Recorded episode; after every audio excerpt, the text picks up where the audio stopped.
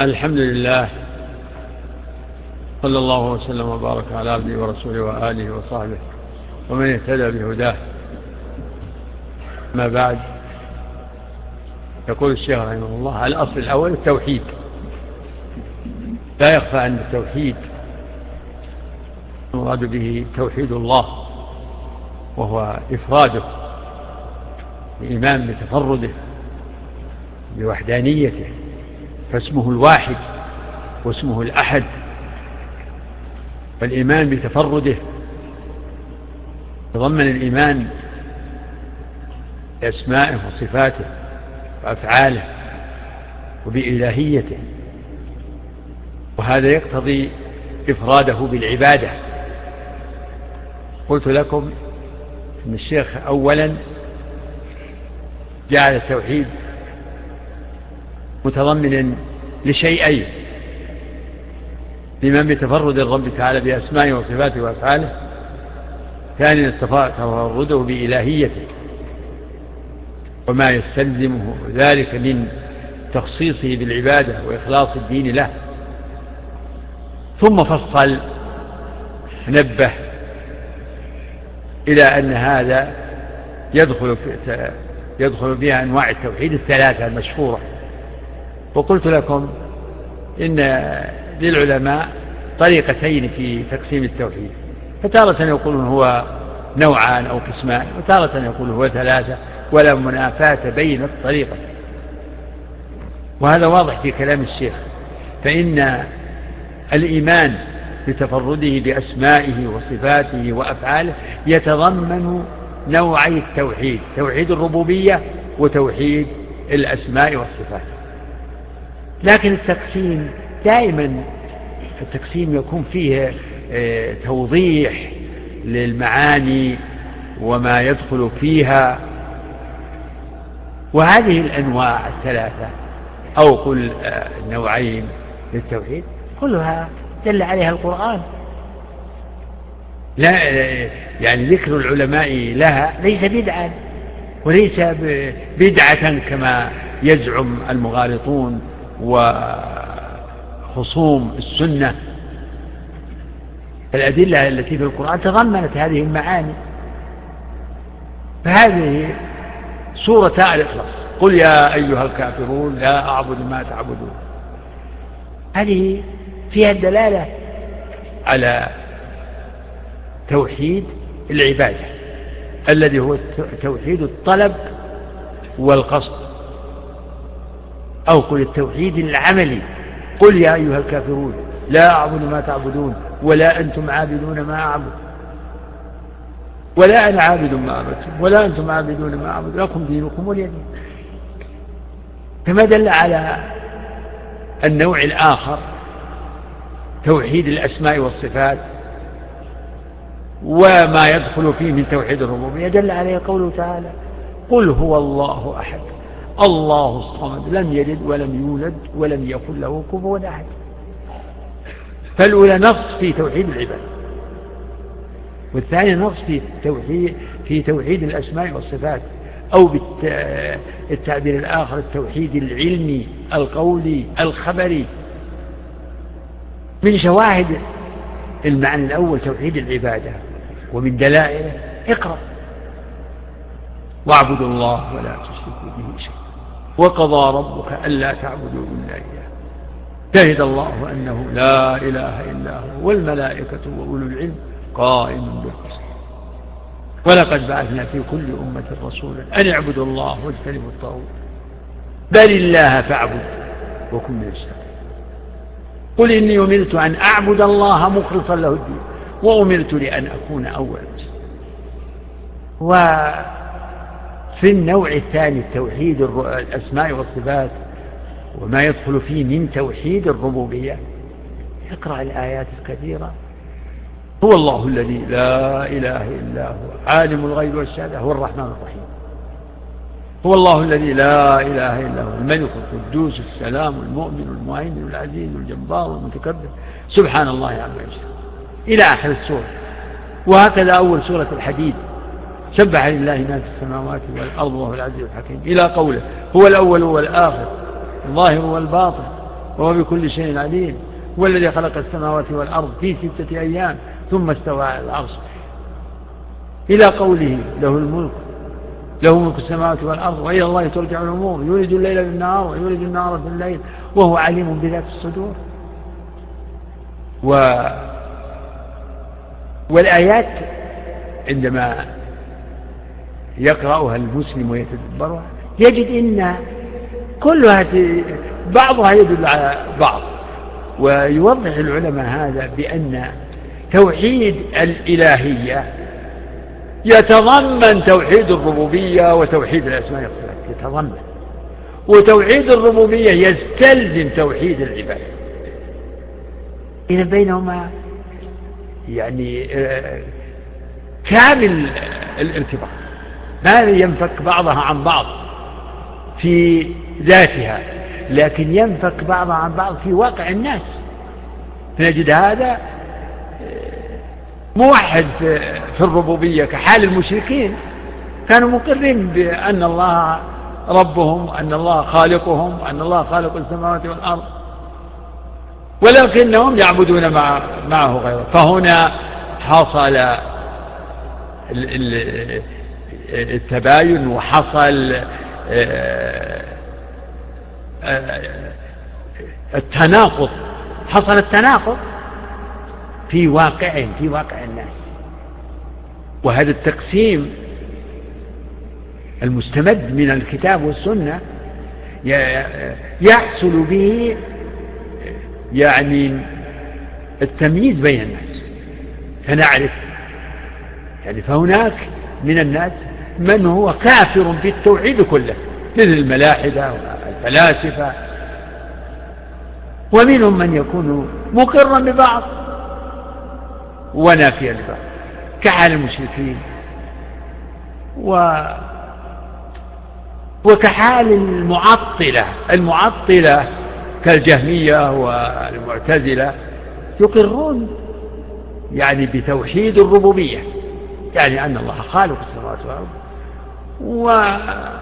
ولكنهم يقصرون في تقرير توحيد العبادة.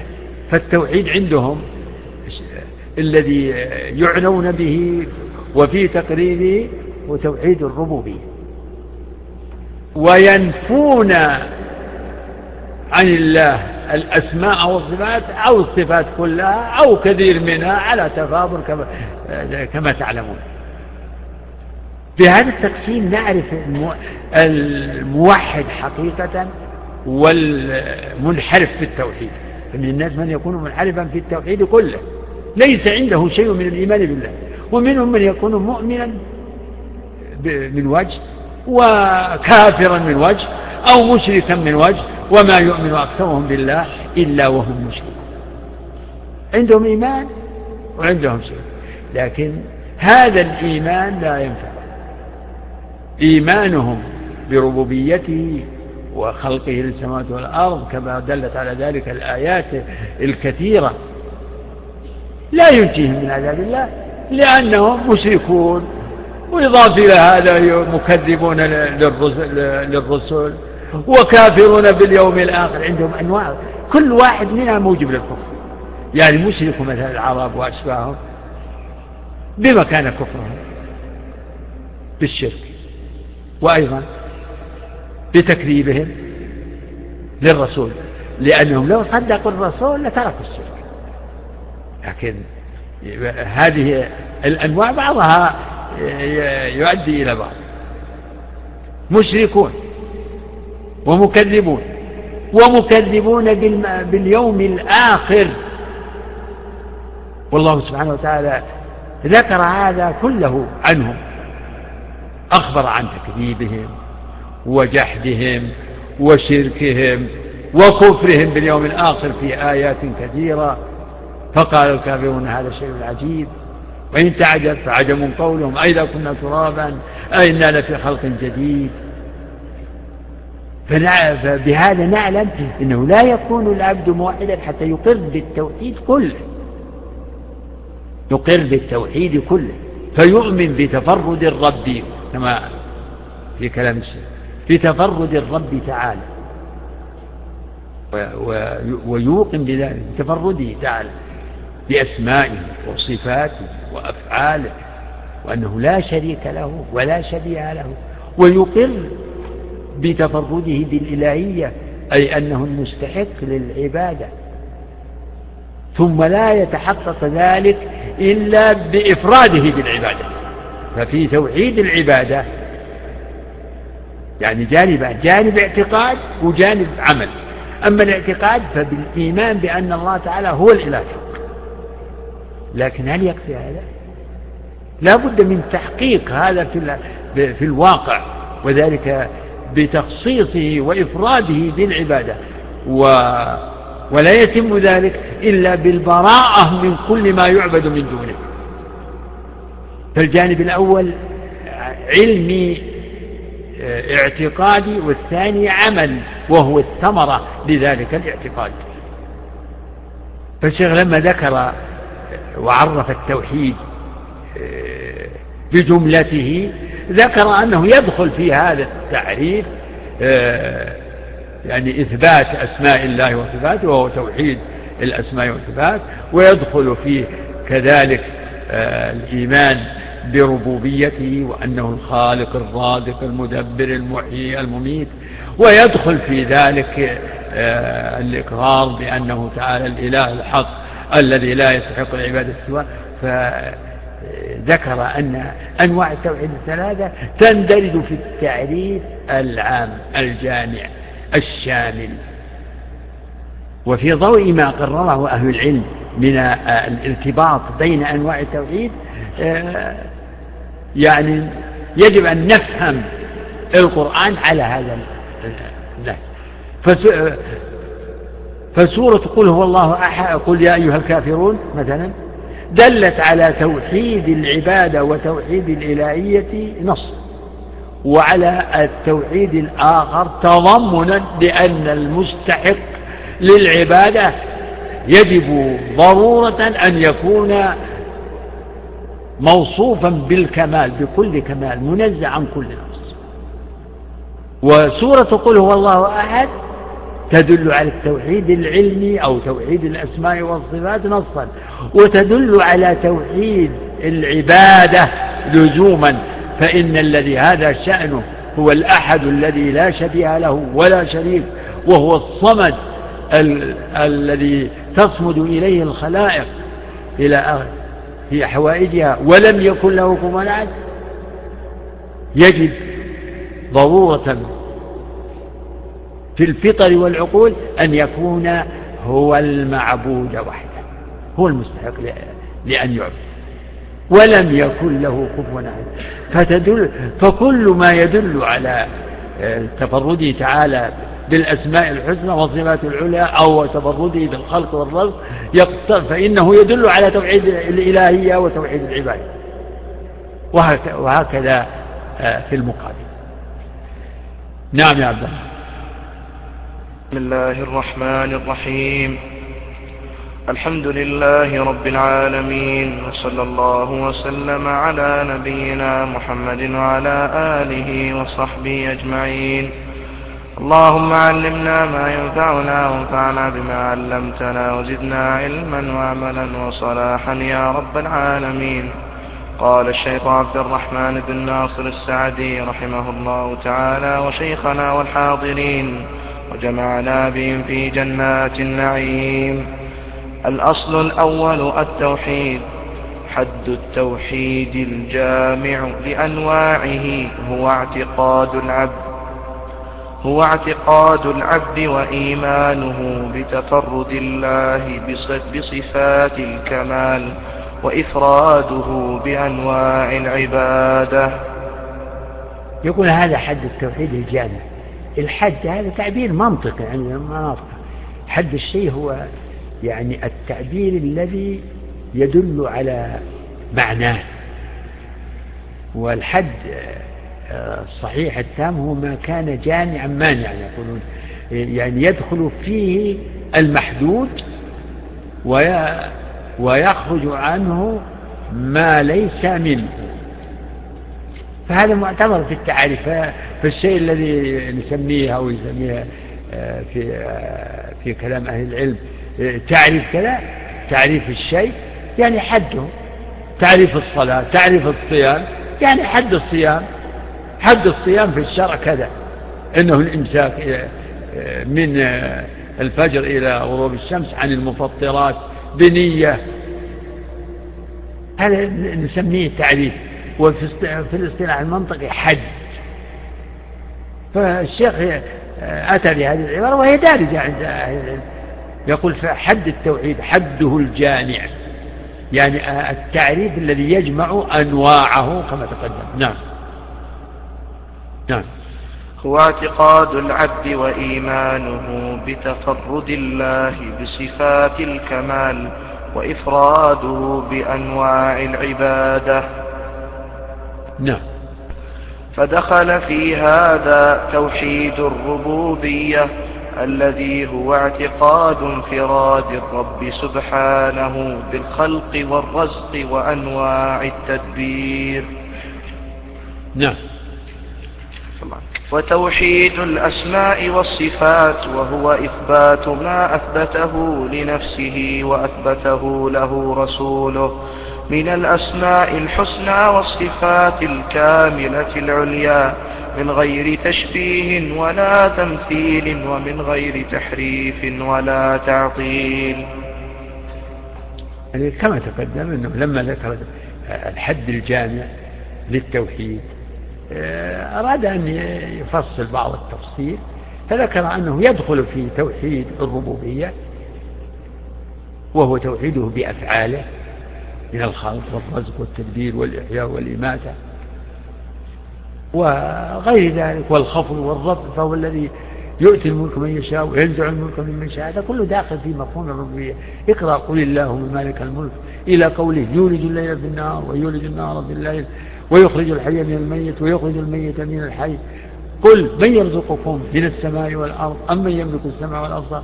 كل هذه آه، داخلة في آه، ما في مفهوم الربوبية وفي معنى الربوبية وتوحيد الربوبية. الإيمان بتفرده تعالى بذلك وأنه لا شريك له في في هذا كله. لا شريك له هو خالق كل شيء.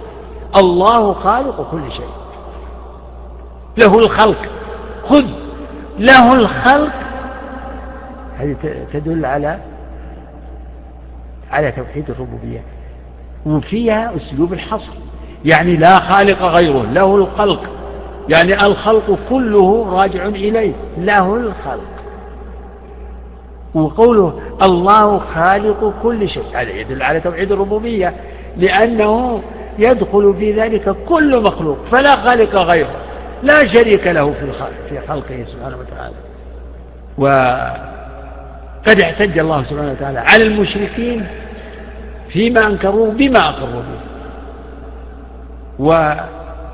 ويدخل في في توحيد أو في حد التوحيد الجامع الإيمان بأسماء الله وصفاته. وهذا التوحيد يتحقق بإثبات ما أثبته الله لنفسه من الأسماء والصفات وما أثبته له رسوله وبتنزيه تعالى عن كل نقص وهذا هو مذهب مذهب أهل السنة والجماعة في هذا الباب. فيؤمنون بكل ما وصف الله به نفسه وما وصفه به رسوله إثباتا ونفسا إثباتا بلا تشبيه وتنزيها بلا تعطيل من غير تحريف للنصوص من غير تحريف. ولا تعطيل ولا تكذيب ولا تمثيل ولا إلحاد في أسماء الله وآياته. وهذه الكلمات لإخراج المذاهب والطرائق الباطلة المناقضة. يعني من جنس أن نقول إن, إن الموحد من يؤمن بالله ويكفر بالطاغوت. فأهل السنة والجماعة في باب الأسماء والصفات يؤمنون بما وصف الله به نفسه ويبرؤون من مذاهب من المذاهب المنحرفة من التحريف. وتحريف كلام الله وكلام, وكلام رسوله عن عن موضعه. ويبرؤون من التعطيل الذي هو تعطيل الرب عن صفات كماله. ومن التكييف الذي هو تحديد كنه وحقيقة الذات أو الصفات. فأهل السنة والجماعة لا لا يحرفون بل يجرون النصوص على ظاهرها ويؤمنون بها ويتلقونها بالقبول. ولا يعطلون الرب عن صفات كماله بل يثبتون له ما أثبته لنفسه. ولا يكيفون ولا يمثلون صفاته بصفات خلقه. فالتكييف يعني ضرب من التشبيه لكنه يقصد به التوصل إلى حقيقة الشيء وكنه. لهذا أنكر السلف قول القائل كيف كيف استوى؟ هذا ليس الاستواء معلوم وكيف مجهول النزول معلوم وكيف مجهول. ويقول مثل هذا في كل الصفات.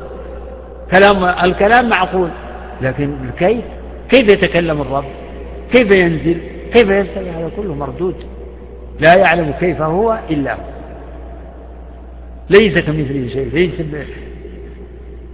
لا في ذاته ولا في صفاته ولا في ولا أفعاله.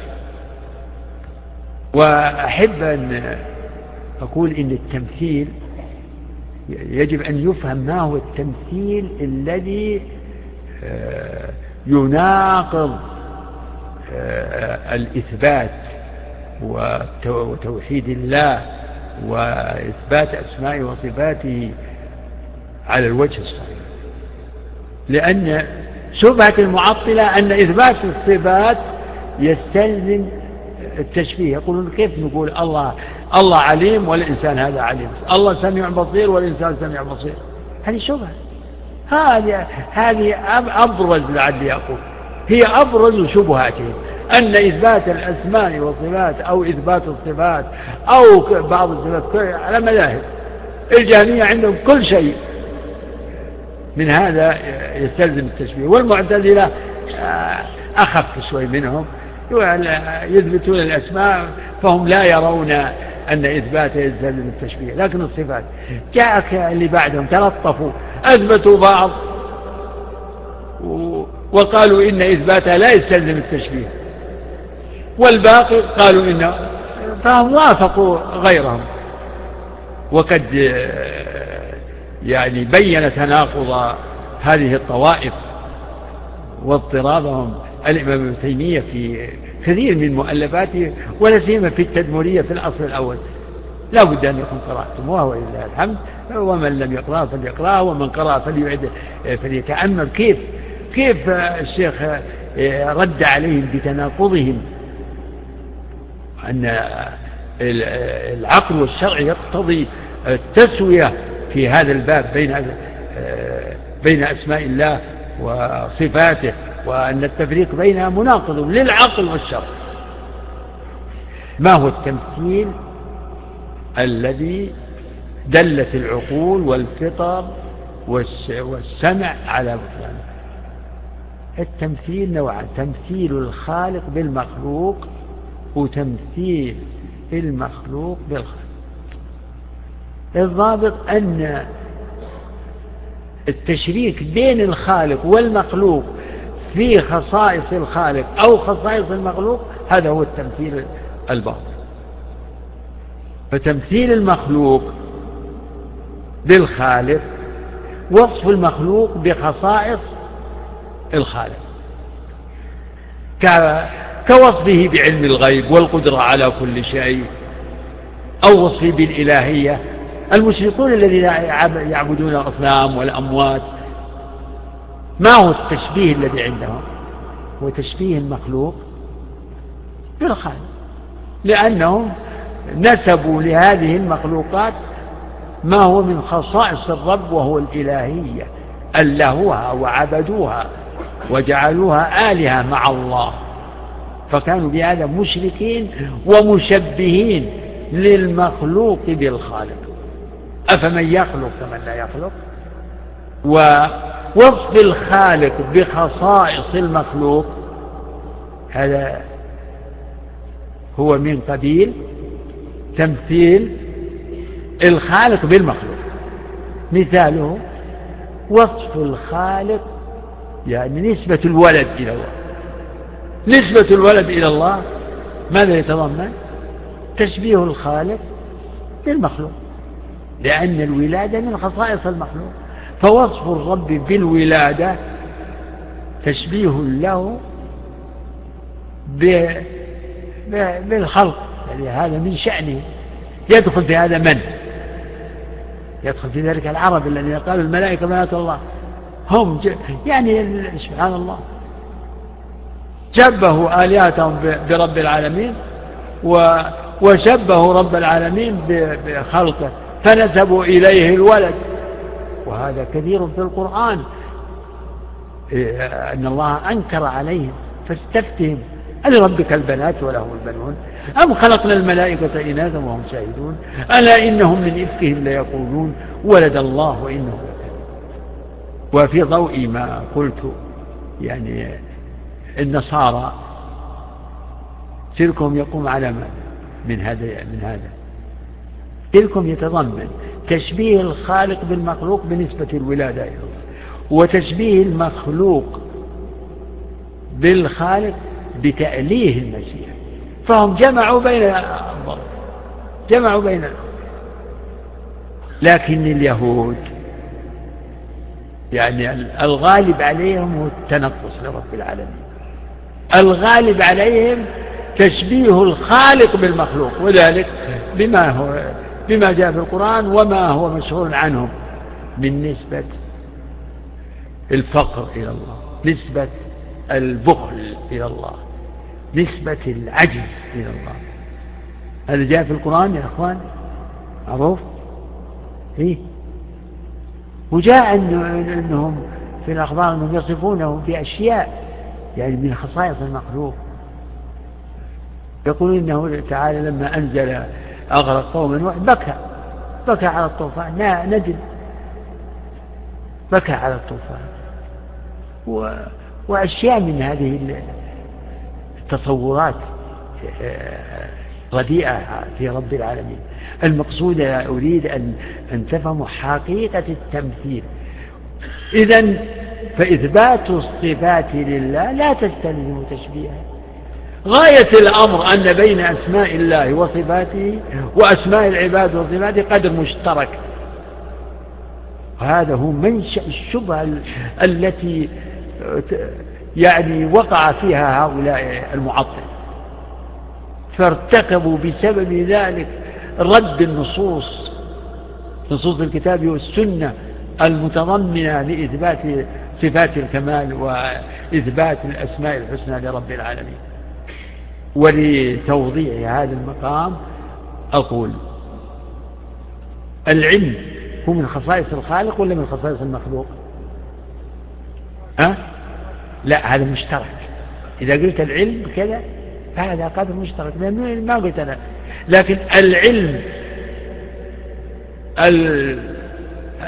المحيط بكل شيء العلم الذي لم يسبقه جال ولا يلحقه نقص. هذا هو مختص بالخالق العلم المحدث المحدود الناقص. هذا علم المخلوق. وطبق هذا في مسألة الوجود. الوجود من خصائص الخالق ولا من خصائص المخلوق؟ لا قدر مشترك. ها؟ لكن الوجود الواجب الذي لا يقبل الحدوث ولا العدم هذا هو وجود الرب. وجود الوجود الممكن الذي يقبل آه، العدم وسبب وهو محدث هذا وجود المخلوق. فوجود المخلوق وجود ممكن يقبل الحدود والعدم. وجود الخالق واجب. فبهذا بمراعاة آه،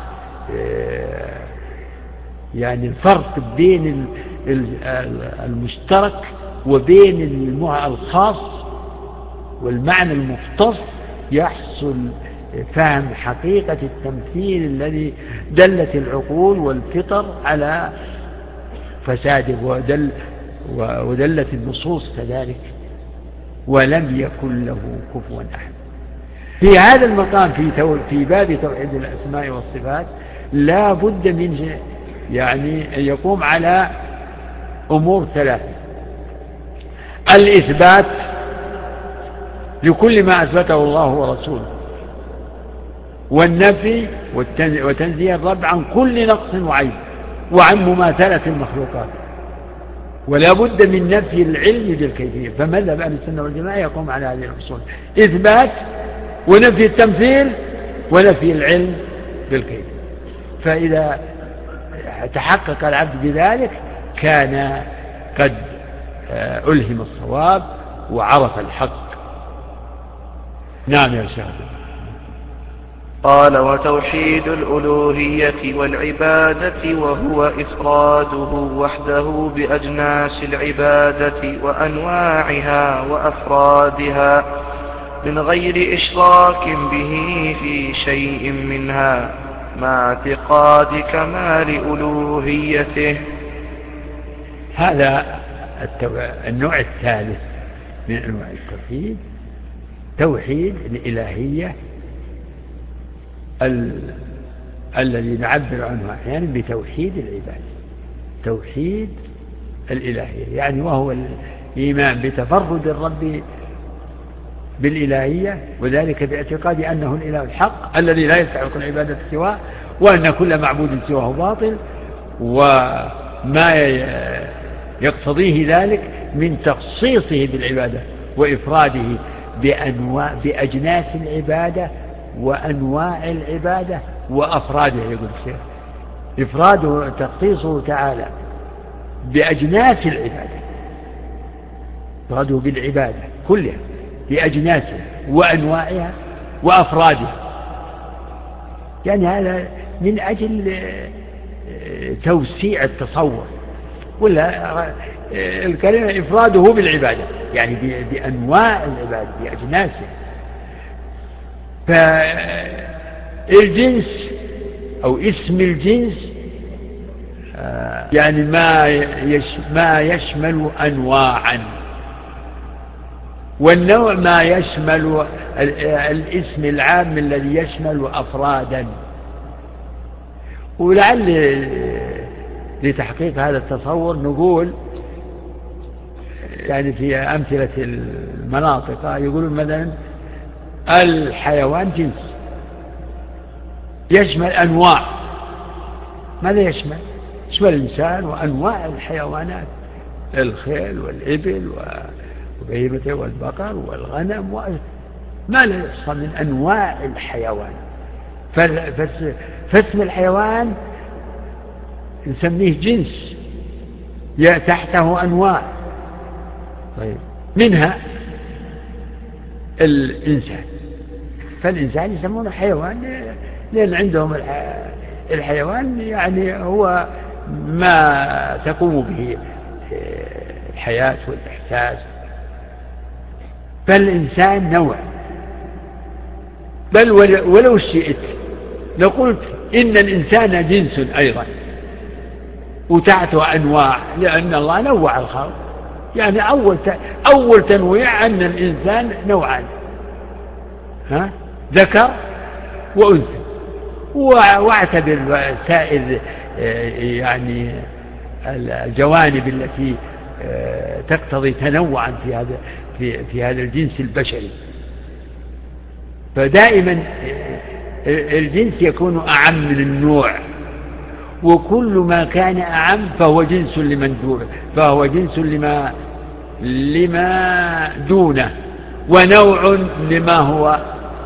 يعني آه، جنس لما دونه أو ما يدخل فيه من الأنواع ونوع لما هو أعم منه. وجنس لما هو أخص. يمكن نفس الحيوان نقول أنه آه، نوع آه، لجنس مثلا الجسم أو الأجسام. الجسم يشمل ماذا؟ يشمل الحيوان والنبات والجماد. جسم آه المهم نعود إلى أجناس العبادات وأنواعها وأفرادها. فالعبادة. هذه جنس. قوله تعالى واعبدوا الله الأمر بالعبادة. العبادة جنس. ما هي العبادة؟ العبادة اسم. اسم جامع لكل ما يحبه الله ويرضاه من الأعمال والأقوال الظاهرة والباطنة.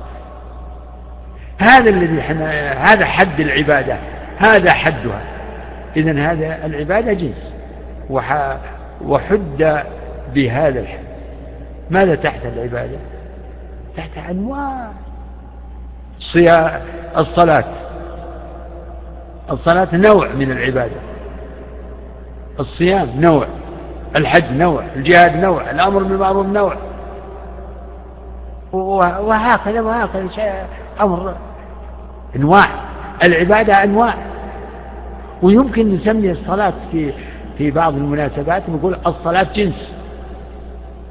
هي بالنسبة لاسم العبادة لمطلق العبادة هي نوع لكن ممكن نسميها جنس. يدخل تحتها أنواع الصلاة. فيها أنواع الصلاة. في الفريضة فرائض ونوافل وذوات أسباب وغيرها. أنواع الصلاة. يدخل تحتها أنواع. الشيخ يقول إفراد الرب تعالى بالعبادة. بأجناسها وأنواعها. إفراده بأجناسها وأنواعها وأفرادها. الأفراد يمكن تختص مثلا الآن صلاة الظهر. هذه نوع ولا جنس؟ لا هذه فرد من أفراد. نوع الصلاة. فرد من الأفراد. جنس الصيام يدخل فيها صيام رمضان وصيام النوافل وصوم المندور كله ده يدخل فيه نوع من العبادة. لكن صيام هذا اليوم بعينه هذا فرض من أفراد الصيام. هذا ما يوضح به قول الشيخ بأجناسها وإفراده تعالى بأجناس العبادة. وإفراده بأجناس العبادة يتضمن إفراده بأنواعها وأفرادها. إفراده بجنس العبادة بالعبادة كلها يدخل فيها الأنواع والأفراد. لكن من باب التأكيد يعني كأنه يقول إفراده تعالى بالعبادة بكلها. فلا يجوز صرف شيء من العبادة. نوع من العبادة أو فرد من أفراد العبادة. و ولا يتحقق ذلك إلا بترك الشرك فالتوحيد فعل وترك. التوحيد توحيد العبادة فعل وترك. عبادة لله وترك لعبادة ما سواه. ولا يكفي في التوحيد مجرد ترك. كما نبه على ذلك الشيخ محمد بن الوهاب رحمه الله في مواضع إنه لا يكفي مجرد إفراد الله بالعبادة. إفراد فقط بمعنى إنك فلو قال قائل إنه يعبد الله ولا يعبد معه غيره أبدا لا يعبد معه غيره. هل يكفي هذا لا لابد من الترك هذا حاصل الترك حاصل. ولابد من الكفر بما يعبد من دون الله. كما جاء في الحديث. لابد وقال سبحانه وتعالى فمن يكفر بالطاغوت ويؤمن بالله فالإيمان بالله يتضمن عبادته. الإيمان بإلهيته وباستحقاقه للعبادة. والكفر بالطاغوت يتضمن البراءة ونفي عبادة ما سواه وهذا المعنى الكفر بالطاغوت والإيمان بالله هو معنى لا إله إلا الله. لا إله هذا هو الكفر بالطاغوت. إلا الله هو الإيمان بالله. ولهذا قال الشيخ أنه يعني مع إفراده تعالى بالعبادة وتخصيصه بالعبادة لابد من ترك آه، الشرك به. و ويا ليته آه، قال والبراءة البراءة لابد من البراءة من آه، مما يعبد من كل ما يعبد من دونه سبحانه وتعالى. قال إبراهيم إنني براء مما تعبدون إلا الذي فطرني. قد كانت لكم أسوة حسنة في إبراهيم والذين معه إذ قالوا لقومهم إنا براء منكم ومما تعبدون من دون الله. لابد من هذه البراء وهذا المعنى قد عني به الشيخ محمد بن عبد الوهاب في رسائله وفي مؤلفاته. رحمه الله. نعم. قال فدخل قال رحمه الله فدخل في توحيد الربوبية إثبات القضاء والقدر وأنه ما شاء الله كان وما لم يشأ لم يكن وأنه على كل شيء قدير وأنه الغني الحميد وما سواه فقير إليه من كل وجه. هذا موضوع جديد أنا الدخول فيه يستدعي وقت أكثر ولا أصل على هذا. والله أعلم. أحسن. نعم. هل يوجد نوع رابع من أنواع التوحيد يسمى توحيد الحاكمية؟ يا إخوان هذا التقسيم للتوحيد هذا يعني اعتباري. يعني السلف الصالح والعلماء المتقدمين الصحابة ما عندهم التوحيد ثلاثة أقسام. ولهذا آه، شغب, شغب من شغب على أهل السنة. بل هؤلاء الذين يشغبون على أهل السنة هم عندهم يقسمون التوحيد. فلو شئت قلت التوحيد أربعة يمكن تقول خمسة. المسألة اعتبارية؟ توحيد الخالقية توحيد إيش؟ الخالقية. وش معنى توحيد الخالقية؟ الحاكمية يقول. نعم. يقول الحاكمية؟ لا. أنا أقول يعني يعني الإيمان بتفرد الرب بالخلق. لو سماه واحد توحيد الخالقية. توحيد الحاكمية يا أخوان هو داخل. بس في تنصيص. أليس قد سبق إن توحيد الربوبية وداخل في توحيد الأسماء والصفات؟ من الممكن المسألة السلاحية الحكم. الحكم بالحلال والحرام أن هذا حلال وهذا حرام وأن هذا واجب وأن هذا مستحب وأن هذا الحكم لمن؟ من؟ من الذي له, له ذلك؟ هو رب العالمين. إن الحكم إلا لله والحكم نوعان. حكم كوني وحكم شرعي. وكلاهما لله وحده. إن الحكم إلا لله. جاء في موضعين إن الحكم إلا لله. ولا يشرك في حكمه أحدا. ولا يشرك في حكمه أحدا. هذا توحيد حاكمية ولا لا؟ نعم. نعم. ولا يشرك في حكم أحدا. إن الحكم إلا لله. لكنه داخل. توحيد الحاكمية داخل في توحيد الربوبية.